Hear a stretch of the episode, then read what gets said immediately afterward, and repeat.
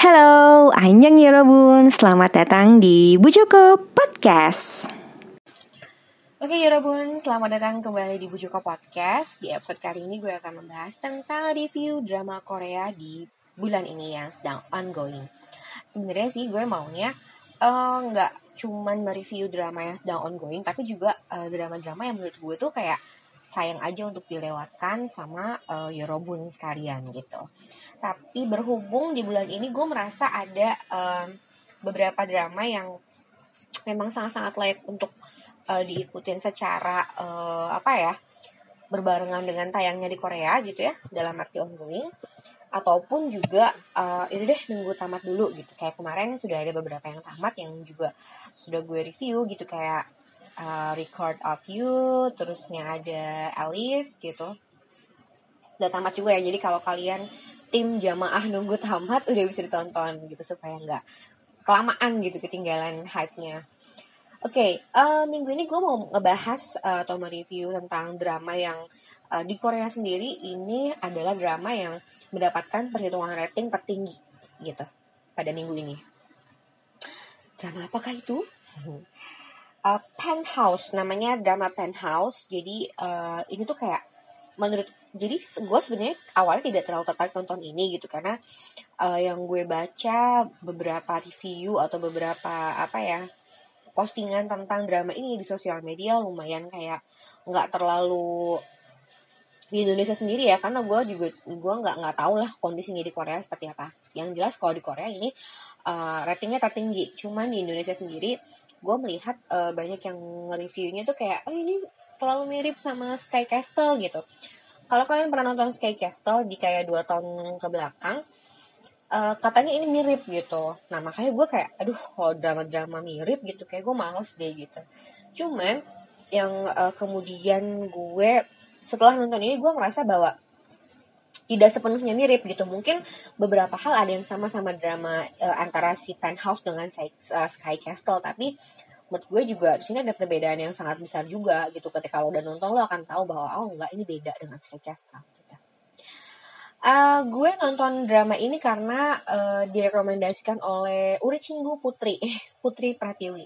Anyong Putri, thank you sudah merekomendasikan gue nonton drama ini karena ternyata emang ya sebagus ini gue juga gak nyangka kalau wah di Korea ternyata ini juga sangat disukain gitu loh. Dalam arti ya emang uh, bagus gitu kan dramanya. Oke. Okay. Uh, nah, judulnya kan Penthouse. Penthouse ini kalau secara uh, sinopsis kalau kita googling gitu ya di, di di Google atau misalnya kita lihat di akun beberapa review drama Korea di Instagram itu katanya sih bercerita tentang uh, perempuan yang apa ya perempuan-perempuan yang bersaing untuk menjadi uh, perempuan nomor satu di penthouse itu gitu loh di di dalam kehidupan. Kayak penthouse itu kan kayak ini ya kayak uh, penthouse itu sendiri di drama ini adalah kayak sebuah uh, komplek perumahan elit uh, apartemen lah ya apartemen yang di mana di sana ada penthouse-nya lantai 100 dan uh, perempuan itu berlomba untuk uh, menjadi nomor satu di sana. Di drama itu begitu di di sinopsisnya begitu. Jadi um, perempuan sebenarnya ada underline-nya sih. Jadi mereka tuh perempuan perempuan perempuan tajir melintir yang uh, kemudian menyukai musik klasik gitu seperti itu dan ingin menjadi a queen gitu ratu uh, yang meratui kan kalau ini merajai ratu yang menguasai penthouse tersebut gitu itu apartemen 100 lantai di Korea. Ceritanya begitu. Cuman setelah gue nonton gue jadi kayak gue selalu tidak pernah langsung percaya sama apa yang ditulis sama sinopsis di eh, drama-drama yang lagi ditayangin gitu. Karena gue ngerasa kadang ada yang menjebak kadang ada yang nggak sesuai gitu sama antara sinopsis sama yang terjadi di drama yang kita tonton atau yang kita tangkap gitu Nah, menurut gue drama ini ya, ini dalam pandangan gue loh ya. Uh, drama ini menceritakan tentang beberapa keluarga yang kemudian uh, keluarga elit itu yang tinggal di sebuah uh, apartemen berlantai 100.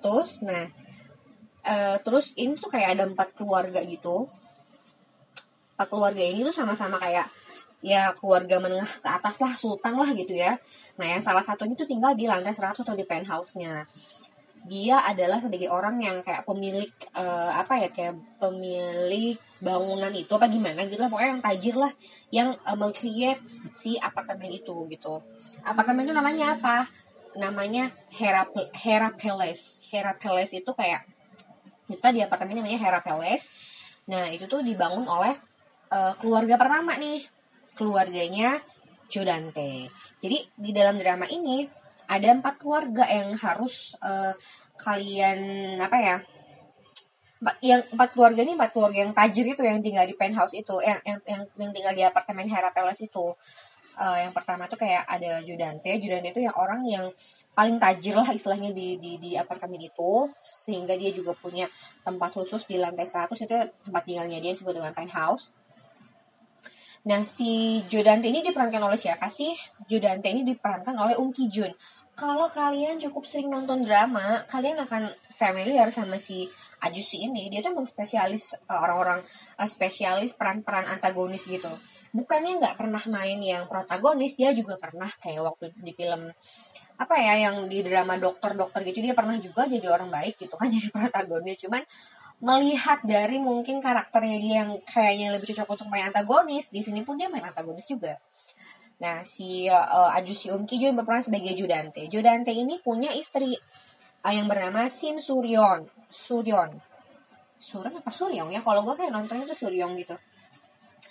Suryong, uh, ceweknya ini, istrinya ini, uh, Sim Suryong ini, apa ya, karakternya itu dia uh, protagonis. Jadi berseberangan dengan suaminya gitu. Gue pikir awalnya dia akan menjadi ibu-ibu terzolimi gitu. Karena si suaminya ini jahat banget gitu. Gue pikir kayak, aduh, aduh aduh, aduh kayak dia nggak bisa diharapin deh gitu gue sempat yang hopeless gitu di beberapa episode awal gitu ya aduh perempuan uh, karakternya tuh perempuan anggun cantik ya cantik banget sih emang dia cantik anggun gitu kan yang kayaknya manut-manut aja sama suami bisa aja dibodoh-bodohin sama suaminya gitu nah tapi ternyata enggak Oke, okay, uh, eh, di keluarganya si Judante ini kan dia punya istri si uh, si Suryong itu ya. Nah, terus juga mereka tuh punya anak nih, anaknya kembar.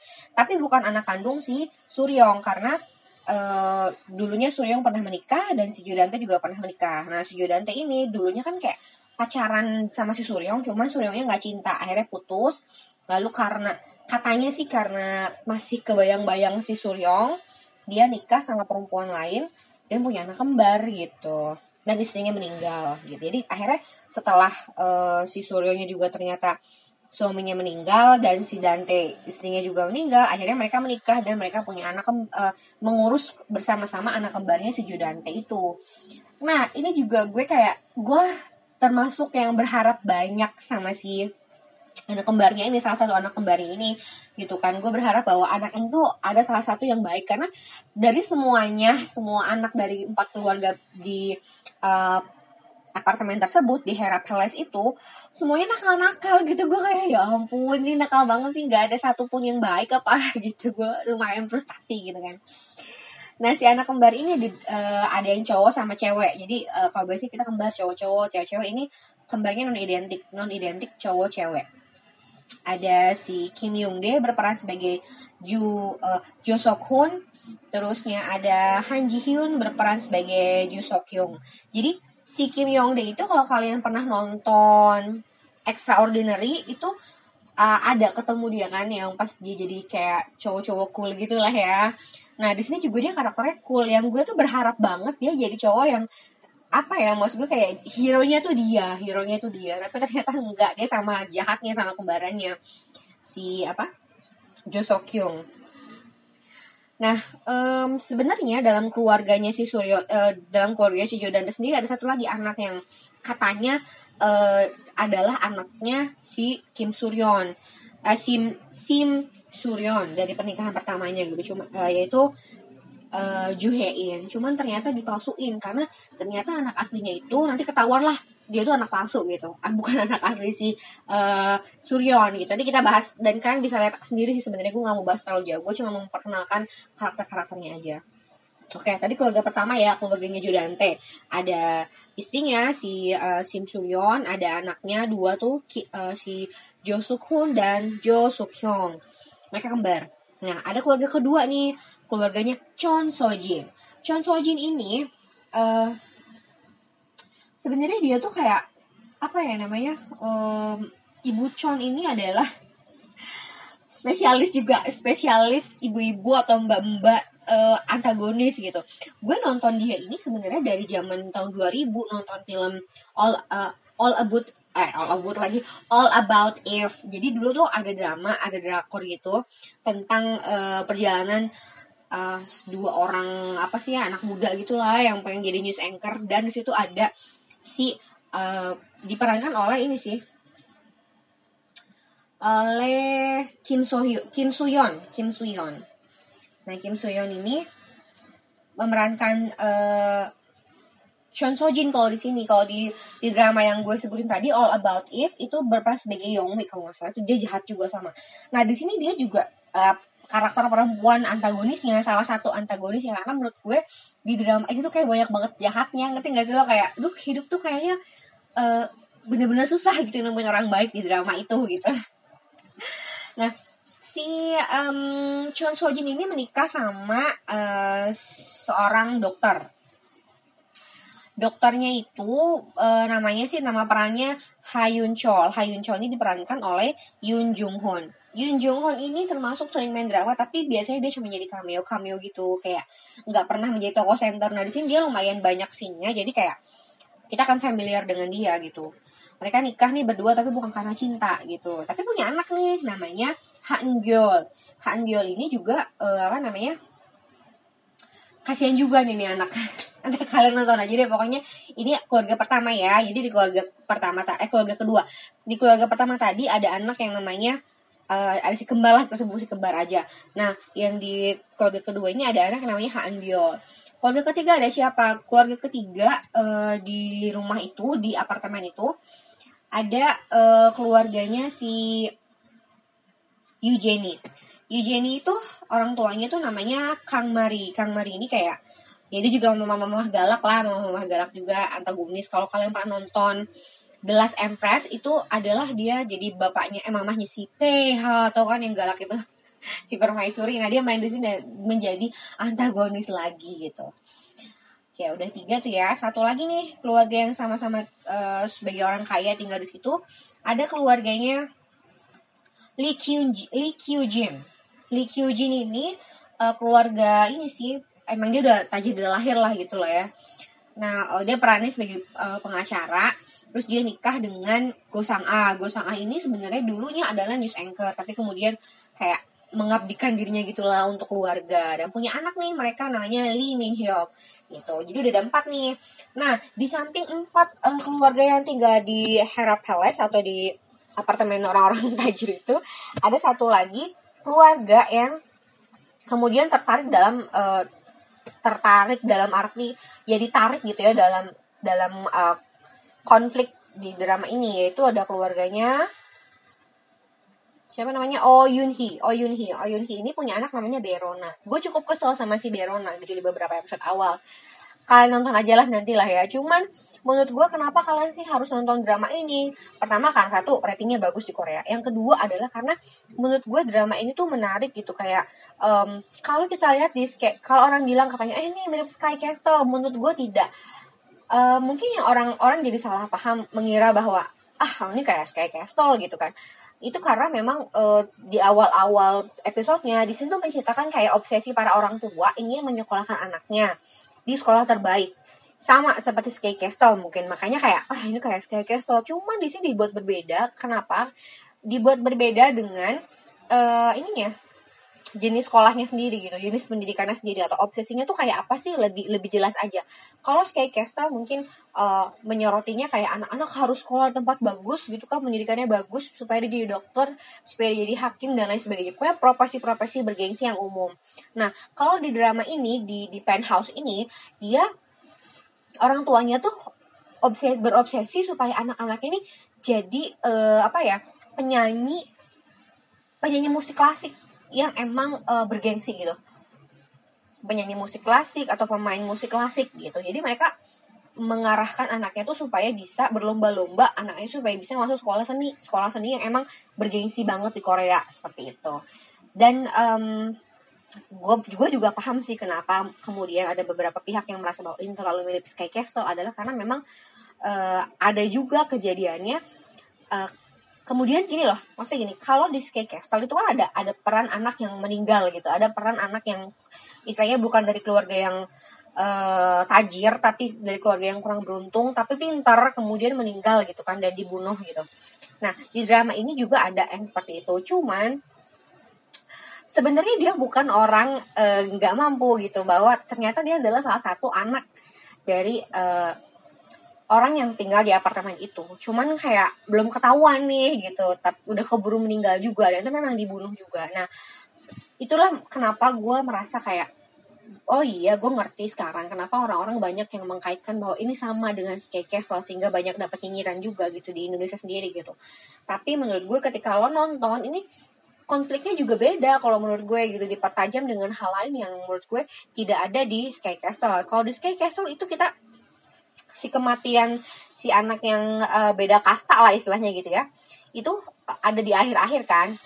Nah kalau ini tuh kayak menjadi sebuah uh, apa ya kayak awal konfliknya awal konflik drama ini gitu. Sehingga nanti mungkin akan terpecahkan kenapa sih ini meninggalnya siapa? gitu. Jadi menurut gue uh, ini jadi menarik sekali gitu loh dan uh, tapi perlu di warning sih kalau menurut gue kayak karena ini menurut gue rate-nya juga udah dinaikin ya tadinya kalau nggak salah cuma 17 tahun ke atas boleh nonton kalau sekarang kayak 19 tahun kalau nggak salah ke atas. Kenapa? Karena um, untuk kalian yang memang belum 19 tahun gue mengharapkan kebijaksanaan kalian lah. Karena memang di sini kalau adegan yang eh, nggak uh, senonoh sih di sini um, ya ada tapi tidak terlalu parah lah ya gitu. Kalau menurut gue kayak nggak perlu nggak nggak seperti yang kalau kalian nonton The World of the Married gitu ini nggak ini masih yang kayak yang kalian bisa skip skip aja gitu nggak terlalu bahaya. Cuman yang menjadikan ini bahaya dan di nya itu hanya boleh ditonton oleh anak di atas 19 tahun itu karena banyak kekerasannya kalau kata gue. Gue sendiri nggak gue banyak skip di adegan kekerasannya gitu kayak darah dan lain sebagainya gitu tapi buat gue ini tetap tetap sangat-sangat worth buat kalian tonton gitu. Apalagi buat kalian yang memang senang dengan drama kayak teka-teki gitu ya. Kayak ini siapa sih pembunuhnya? gitu. Nah kalian boleh nonton di sini. Karena menurut gue meskipun di sini kayak nggak ada tokoh uh, second lead ganteng gitu kayak di startup yang menjadi perbincangan semua orang di sosial media gitu nggak ada.